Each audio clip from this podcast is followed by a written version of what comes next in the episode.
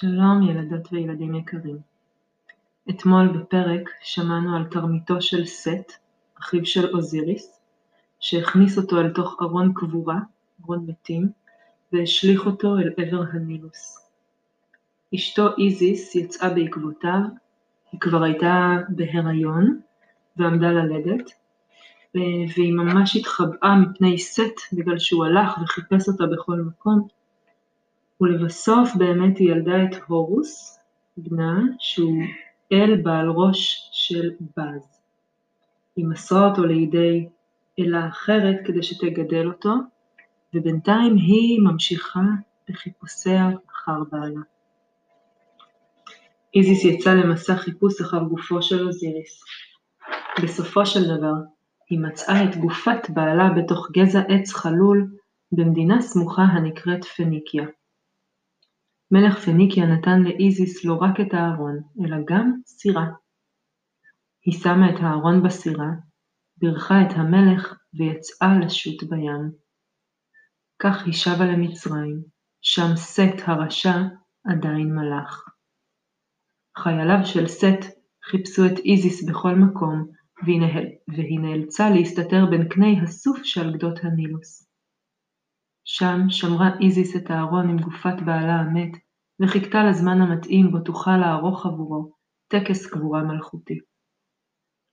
לילה אחד, תחות אל החוכמה, בעל ראש הציפור, נגלה אל איזיס בחלומה. הוא סיפר לה כי סט וחייליו יגיעו למקום מסתורה. כשהתעוררה, ברחה איזיס במהירות והשאירה את הארון שם כיוון שידעה שסט כבר בדרכו ואין לה דרך להסתיר את הארון כשהוא איתה. ואכן, סט וחייליו הגיעו ומצאו את הארון מתחבא בין קני הסוף.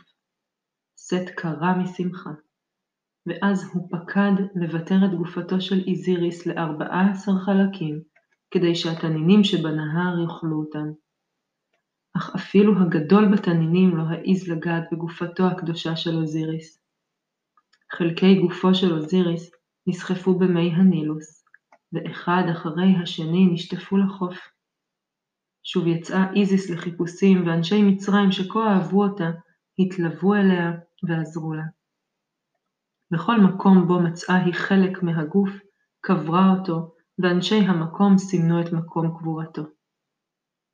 שלושה עשר חלקים הצליחה למצוא איזיס המסכנה, ואת החלק האחרון אכל הדג אוקסירינכוס, ולכן הוא נחשב טמא עבור המצרים.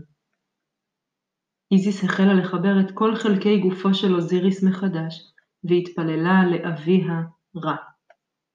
הוא שלח לעזרתה את חוט אל החוכמה, ואת אנוביס אל המוות, אשר ידע את סוד שימור הגוף מפני ריקבון.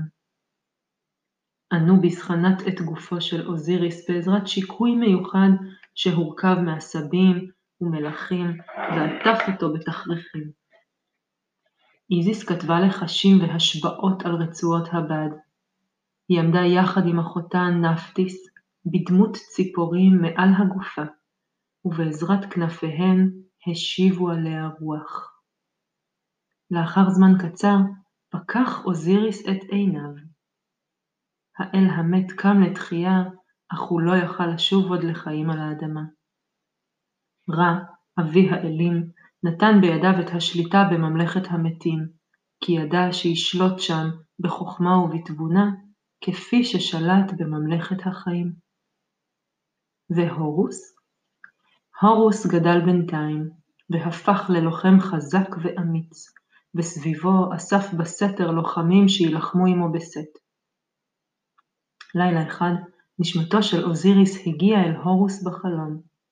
הוא אמר, בני הורוס, עזבתי את האדמה והפכתי לשופט של כל הנשמות. כל אדם שמת מופיע בפניי וחייב לי דין וחשבון על כל מעשיו על האדמה, ואני שוקל אותם אלה מול אלה וקובע את הדין.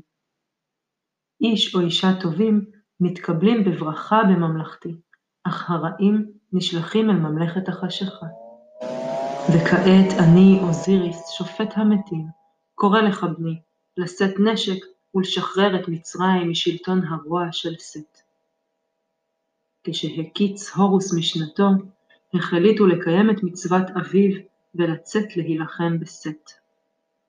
אנשי מצרים הצטרפו בשמחה וללא היסוס להורוס, כיוון שסט היה אכזרי אליהם מאוד. הורוס וצבאו הגיעו אל שדה הקרב, שם פגשו בצבאו של סט. זמן רב נמשך הקרב, אך אף צד לא ניצח. לבסוף ניצב הורוס לפני סט ופתח בדו-קרב. כשהם נלחמו, כולם פסקו מלהילחם, שקט השתרר סביב, והכל הביטו בקרב. סט היה מבוגר ומנוסה יותר, ומכותיו הערמומיות הכו ופצעו את הורוס שוב ושוב.